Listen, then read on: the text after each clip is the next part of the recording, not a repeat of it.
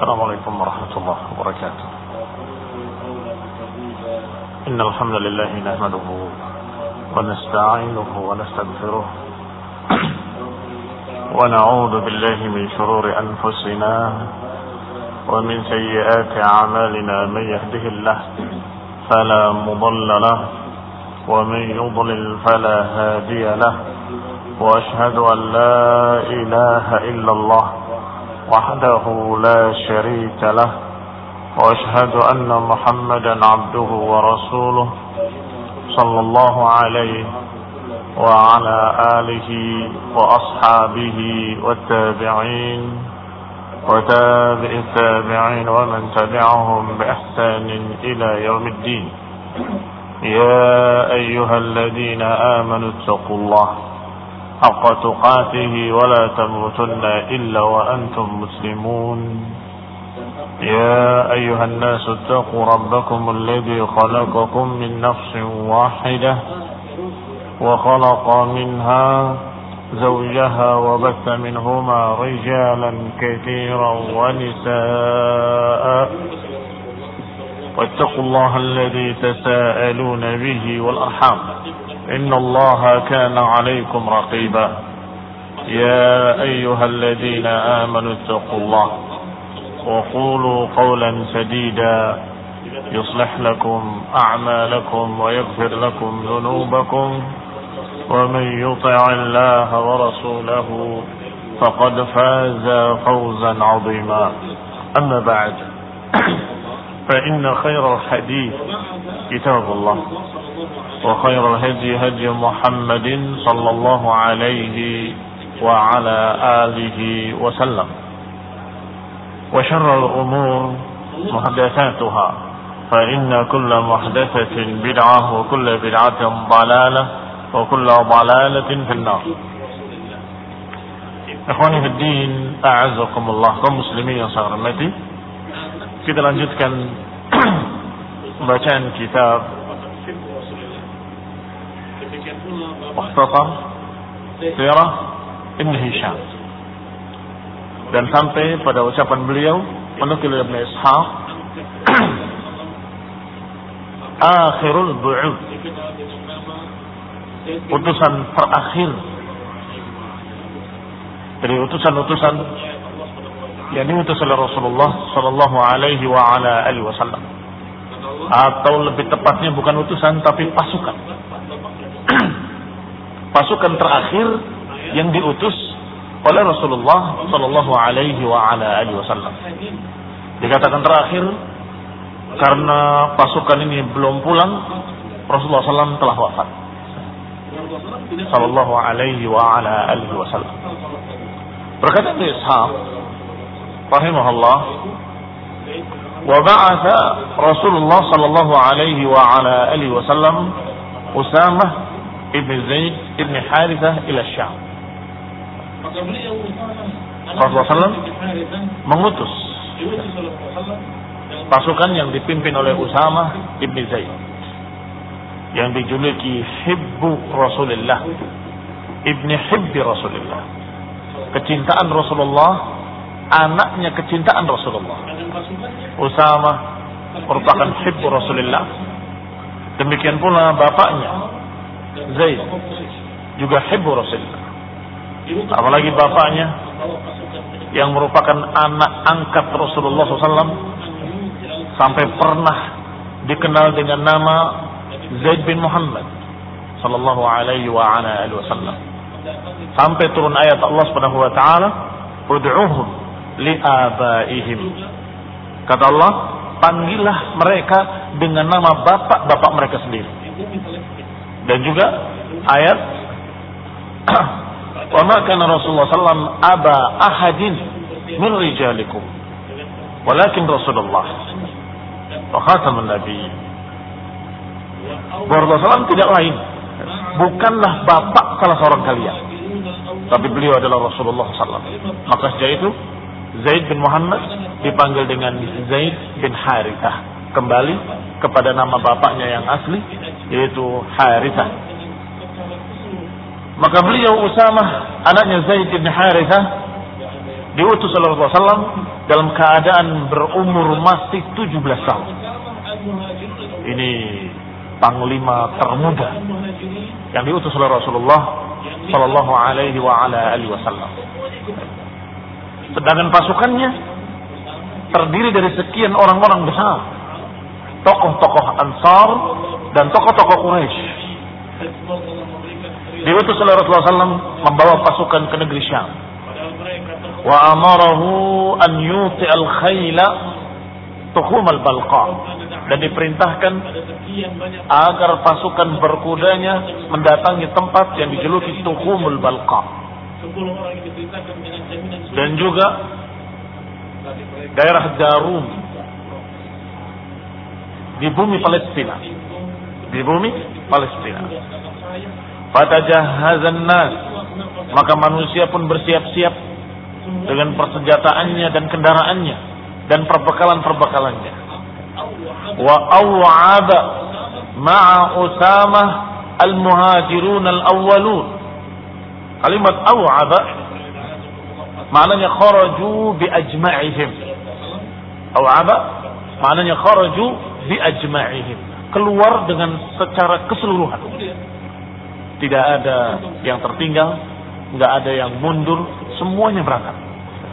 Aw'aba ma'a Usamah al-muhajirun al-awwalun para sahabat dari kalangan muhajirin yang hijrah bersama Rasulullah ke Madinah semuanya ikut berangkat di bawah pimpinan Usama ibn Zaid radhiyallahu taala anhuma taala anhum ajma'in dan semoga Allah memberikan keridhaan kepada seluruh para muhajirin padahal mereka tokoh-tokoh besar ada Abu Bakar ada Umar ada Utsman ada Ali ada sekian banyak para sahabat para sahabat yang merupakan al-ashrah al-mubasysyirin bil jannah.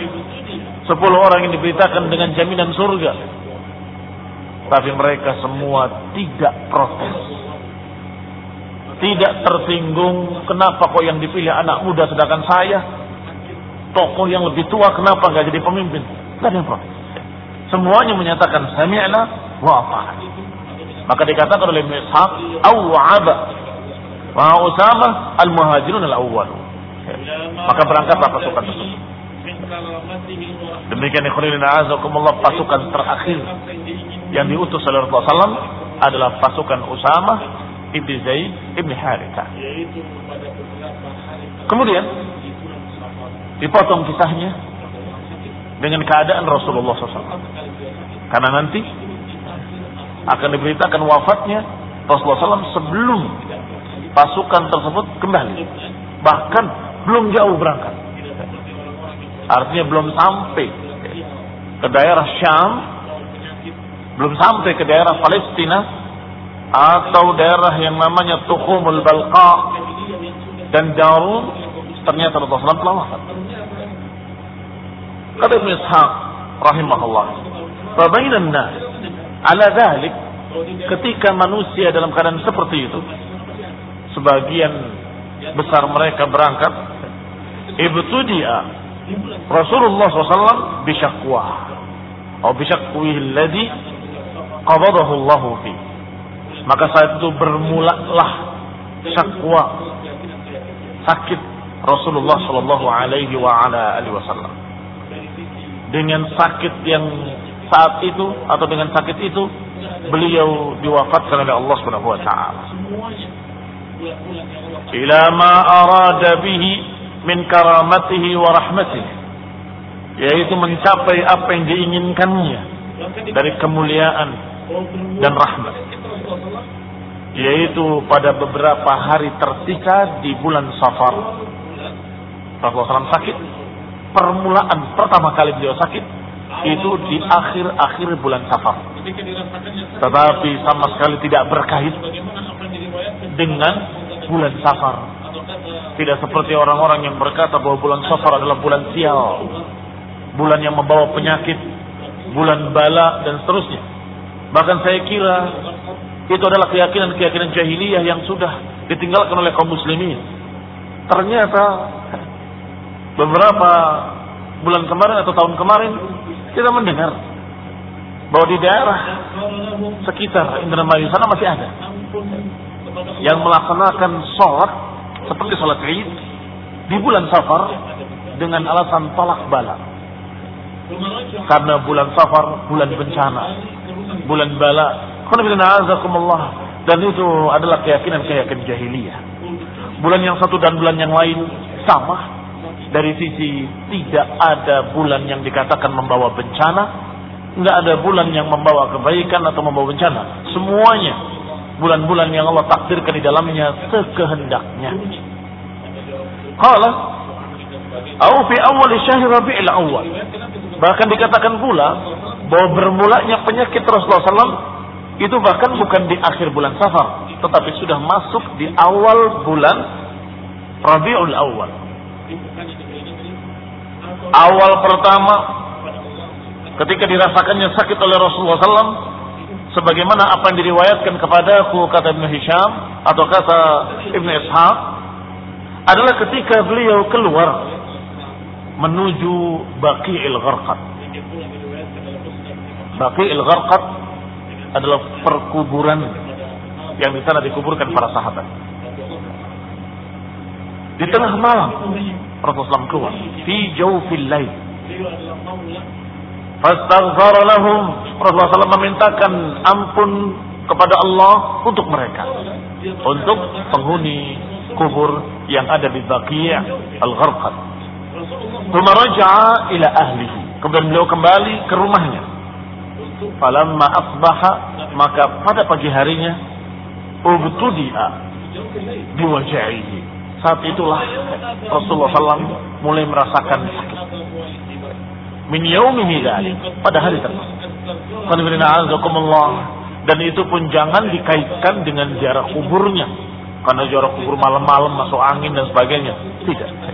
Karena akan diriwayatkan nanti sebentar lagi bahwa Rasulullah SAW diberikan oleh Allah Taala pilihan ingin tetap di dunia menyaksikan kemenangan Islam, menyaksikan dibukanya negeri-negeri atau ingin kembali kepada Allah Subhanahu wa taala.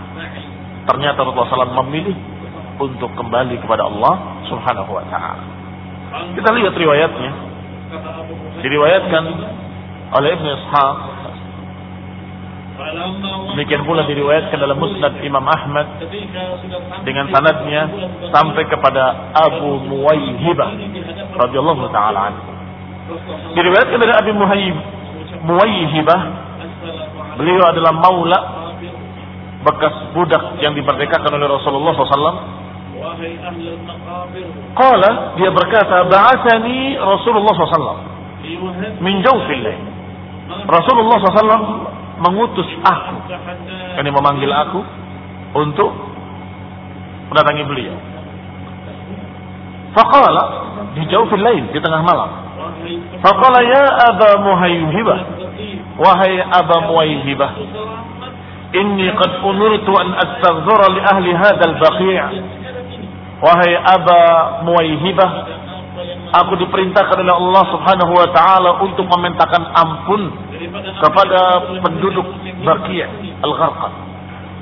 Penduduk Baqi' Al-Gharqad adalah orang-orang yang telah wafat Aku diperintahkan oleh Allah untuk mendoakan ampunan kepada orang-orang yang dikubur di Baqi'il Gharqad. Fanhaliq ma'i. Marilah berangkat bersamaku. Ini menemani aku. Fantalaqtu ma'ahu. Kata Abu Muwayyibah, aku berangkat bersama Nabi SAW. Falamma waqafa baina adhurihim. Ketika sudah sampai di perkuburan Baqi' dan Rasulullah SAW berdiri di hadapan perkuburan tersebut, Rasulullah SAW berkata, mengucapkan salam, Assalamualaikum ahlal maqabir. Semoga keselamatan atas kalian. Wahai ahlal maqabir, wahai penghuni kubur. Liyuhanni lakum ma asbahtum fihi mimma asbahan nasu fihi. Diucapkan tahniah. Selamat kalian. Wahai penduduk perkuburan Baqi, kalian itu selamat, kalian lebih baik dalam keadaan kalian sekarang ini. Daripada apa yang manusia hadapi, eh, manusia yang hidup. Daripada apa yang dihadapi oleh manusia-manusia yang hidup sekarang ini. Akbalatil fitan. Telah datang fitnah-fitnah. Kaqita'il lailil mudlim. Seperti potongan-potongan malam. Yang gelap. Yadbau akhiruha awalaha saling bergantian. Yang duluan diikuti oleh yang di belakang. Yang di belakang datang mengikuti yang di depan. Fitnah demi fitnah. Ini mana? Yatba'u akhiruha awalaha. Yang belakangan mengikuti yang di depan. Wal akhiratu syarrun minal ula. Bahkan yang belakangan lebih dahsyat daripada yang di depan. Datang fitnah, fitnah, fitnah, fitnah, silih berganti. Kalau saja sama, itu sudah mengerikan. Tetapi bukan sama, datang yang belakangan lebih dahsyat dari yang lebih dulu. Datang yang berikutnya lebih dahsyat lagi. Datang yang berikutnya lebih dahsyat lagi. Maka kalian wayak penghuni kubur. Kalian selamat Kalian lebih baik dari mereka-mereka yang menghadapi fitnah-fitnah yang lebih dahsyat, lebih dahsyat, lebih dahsyat. Tuma akbala alayya. Kata Abu Muwahibah, kemudian Rasulullah menghadap kepadaku dan berkata, Ya Aba Muwahibah, wahai Abu Muwahibah, wahai Aba Muwahibah, inni qad utitu mafatiha khazaini dunya wal khulda fiha Aku diberi oleh Allah Subhanahu wa taala pilihan. Diberikan untukku kunci-kunci perbendaharaan dunia dan diberikan kepadaku kekekalan di dunia. Tumbal jannah dan kemudian mendapatkan surga. Faqayyartu baina dzalika wa baina liqa'i rabbi. Allah berikan pilihan kepadaku Apakah mau diberi kunci-kunci perbendaharaan dunia, kekayaan dunia, dan kemudian dibikin oleh Allah, dijadikan kekal di dunia, dan nanti berakhir dengan surga pula? Atau engkau ingin kembali kepadaku dan bertemu aku dan juga mendapat surga? Fakultu saya katakan kata Abu Muwaihibah. Abu Muwaihibah sebagaimana manusia yang lain berpikir kalau bisa dapat dua, kenapa dapat satu? Berpikirnya kalau bisa mendapatkan dunia sampai selesai, setelah itu mendapatkan surga. Berarti dapat dua-duanya. Maka kata Abu Muwaihibah, ya Rasulullah, khud mafatih ini dunia wal fiha tumbal jannah. Ya Rasulullah kalau gitu pilihlah. Pilihlah perbendaharaan dunia. Kunci-kunci perbendaharaan dunia, kunci-kunci kekayaan dunia dan kekekalannya dan kemudian berakhir dengan surga. Pilih itu ya Rasulullah. Karena Abu Muwaihibah menginginkan untuk tetap bersama Rasulullah SAW. Sebagaimana para sahabat sebagaimana mereka-mereka kaum mukminin cinta kepada Rasulullah SAW ingin selalu bersama Rasul. Ya Rasulullah, pilih yang pertama untuk kau tetap di dunia, dibuka kunci-kunci dunia dan kemudian mendapatkan ijazah. Tetapi Rasulullah SAW menjawab kepada Abu Muwaihibah, La, Wallahi ya Abu Muwaihibah, Laqad ikhtartu liqa'a rabbi wal jannah. Tidak, wahai Aba Muwaihibah. Sungguh aku memilih untuk bertemu dengan Rabbku dan surga. Tidak memilih dunia. Tidak memilih perbendaharaan-perbendaharaan dunia. Tidak memilih kekekalan di dunia. Tapi memilih bertemu dengan Allah subhanahu wa ta'ala dan ini azakumullah ada kaitannya dengan ucapan yang diucapkan pertama kali kepada ahli kubur. Ahli kubur, selamat kalian. Liwahanni lakum ma asbahtum. Sungguh apa yang kalian ada padanya sekarang ini lebih baik. Ini orang-orang yang beriman tentunya ya. Orang-orang yang mati dalam keadaan iman. Sungguh apa yang ada pada kalian lebih baik daripada apa-apa yang dihadapi oleh orang yang hidup. Fitnah demi fitnah. Sungguh fitnah berdatangan silih berganti seperti potongan-potongan malam yang gelap. Yang satu lebih dahsyat daripada yang lain. Dan selalu yang datang berikutnya lebih dahsyat daripada yang lebih dulu. Maka ketika Rasulullah SAW benar-benar sudah terlihat kalimat itu. Rasulullah SAW ingin untuk kembali kepada Allah Subhanahu wa taala. Maka dikatakan wahai Aba Muayyibah, aku diberi pilihan untuk tetap hidup, mendapatkan kunci-kunci perbendaharaan dunia atau bertemu Allah Subhanahu wa taala. Yang tentunya mendapatkan jannah setelah wafatnya. Apakah memilih dunia ataupun memilih untuk bertemu Allah tetap mendapatkan jannah. Maka Abu Muwaihibah karena ingin tetap bersama Rasulullah SAW. Sebagaimana orang-orang yang cinta kepada Rasulullah SAW. Ya Rasulullah, pilih untuk tetap di dunia. Dan kemudian mendapatkan surga.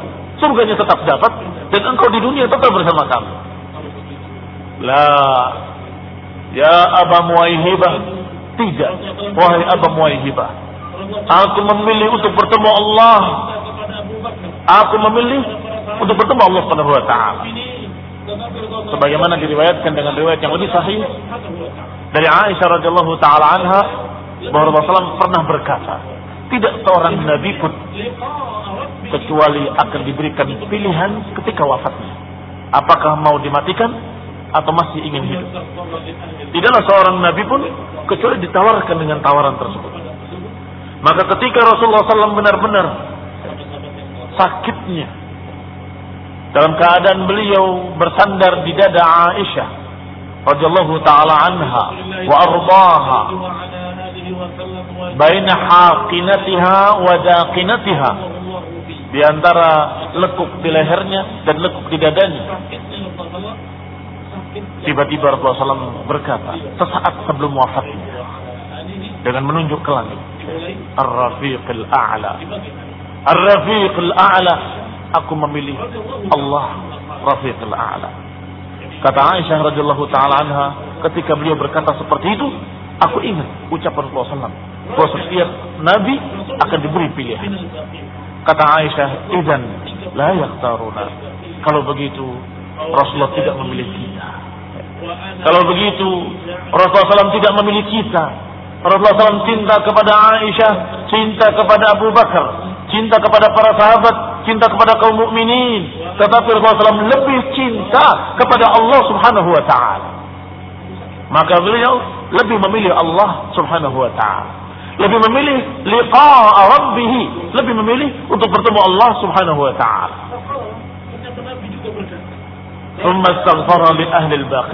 Kemudian Rasulullah SAW memintakan ampun kepada penduduk Baqiyah. Kepada sahabat-sahabat yang telah wafat. Thumman sarafa. Kemudian beliau pergi.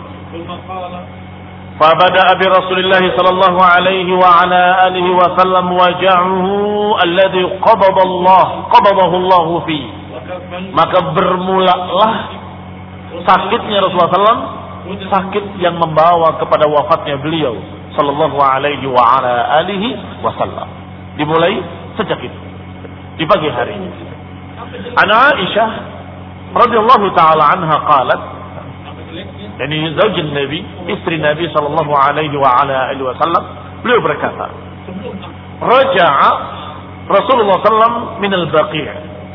Rasulullah ketika pulang dari Baqi' fawajadani wa ana ajidu suda'an fi ra'si. Rasulullah menemui aku dalam keadaan aku sedang sakit di kepalaku. Kata Aisyah, aqul wa ra'sah. Aku sakit di kepalaku dan aku berkata sungguh kepalaku sungguh kepala jadi duhai sakitnya kepala faqala ternyata Nabi juga berkata bal ana wallahi ya Aisyah wa bahkan aku wahai Aisyah. Demi Allah wahai Aisyah betapa sakitnya kepalaku ورأسه ثم قال ما ضرك؟ لو مت قبلي فقمت عليك وكفنك وكفنتك وصليت عليك ودفنتك. كان في الله صلى الله عليه الله وسلم ويا عائشة ما ضرك؟ apa jeleknya buatmu kalau engkau wafat lebih dulu Apa jeleknya? Buatmu kalau engkau wafat lebih dulu? Sebelum aku, aku akan mengurusi engkau. Aku mengkafanimu, aku menyelatkanmu, aku menguburkanmu, aku yakni betapa nikmatnya. Diurusi oleh Rasulullah SAW jenazahnya disalatkan oleh Rasulullah SAW dikafani oleh Rasulullah SAW dikuburkan oleh Rasulullah SAW kata Aisyah wallahi demi Allah laka anni bika laqad fa'alta dhalik laqad raja'ta ila baiti fa'arasta fihi biba'd nisa'i. Kata Aisyah tuhai kiranya kalau saja engkau sudah menyelesaikan pengurusan jenazahku engkau kembali pulang ke rumahku dan kau bermalam dengan istri-istrimu yang lain Aisyah masih tetap pencemburu. Masih dalam keadaan radhiyallahu taala anha cemburu. Berpikirnya justru kalau aku wafat, niscaya Rasulullah SAW akan bermalam dengan istri yang lain. Saking cemburunya. Karena saking cintanya kepada Rasulullah sallallahu alaihi wasallam. Qalat fatabassama Rasulullah. Kata Aisyah, Ketika aku berkata seperti itu Rasulullah pun tersenyum. Rasulullah tersenyum. Dan ini barakallahu fikum sebagai dalil bahwa apa yang diucapkan oleh Aisyah adalah perkara yang wajar pada para istri-istri yang cinta pada suaminya.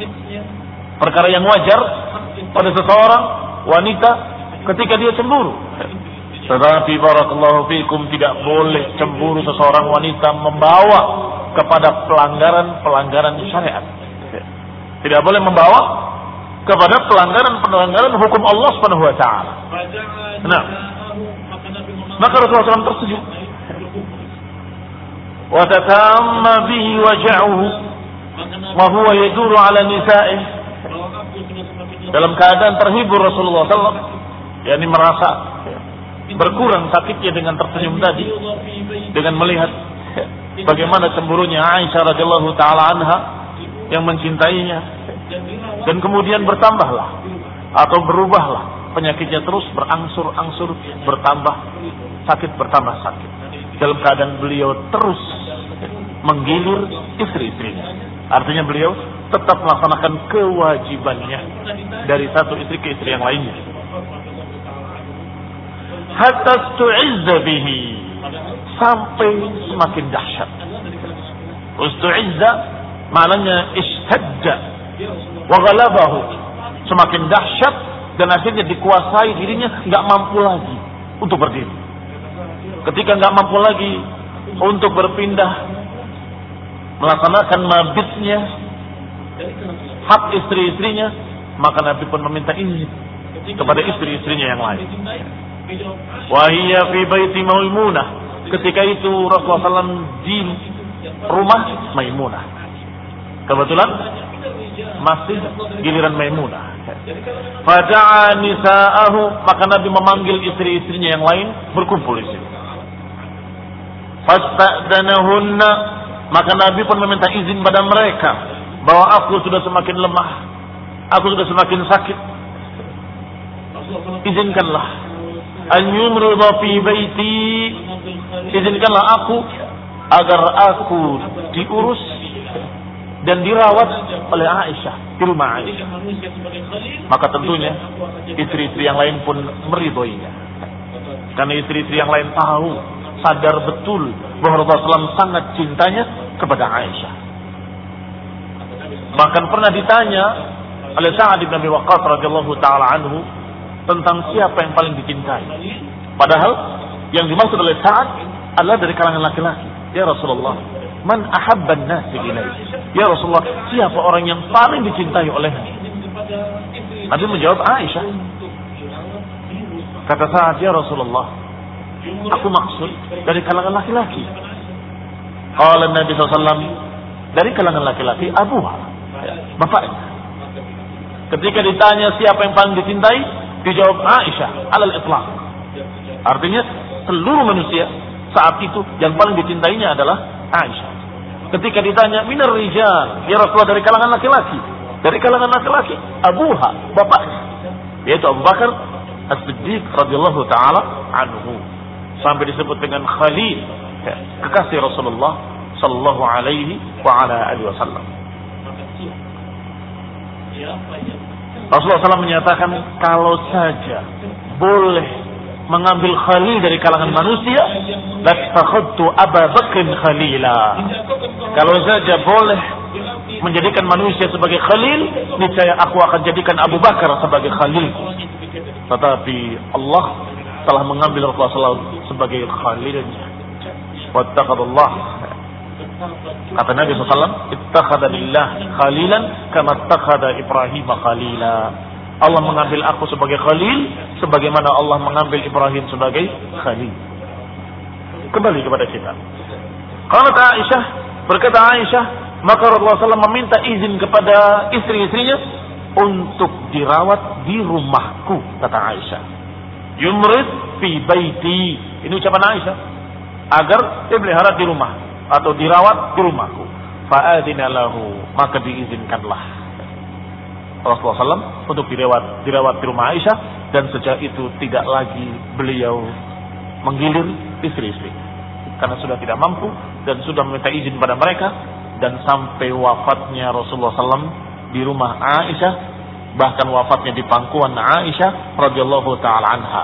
Dan ini cukup sebagai keutamaan Aisyah radhiyallahu taala anha seorang yang paling dicintai oleh Rasulullah SAW maka siapa Siapa yang mencerca Aisyah berarti dia mencerca kekasih Rasulullah SAW.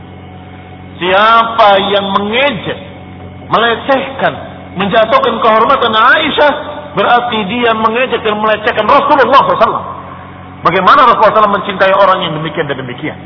Maka ini khairin azakumullah cukup untuk menunjukkan betapa bejatnya aliran Syiah, betapa jauhnya penyimpangan dan kesesatan kaum Rafidhah yang selalu ibadahnya berisi caci makian kepada Aisyah, kepada Abu Bakar, kepada Umar.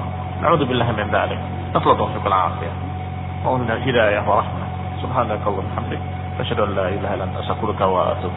alaikum warahmatullahi wabarakatuh.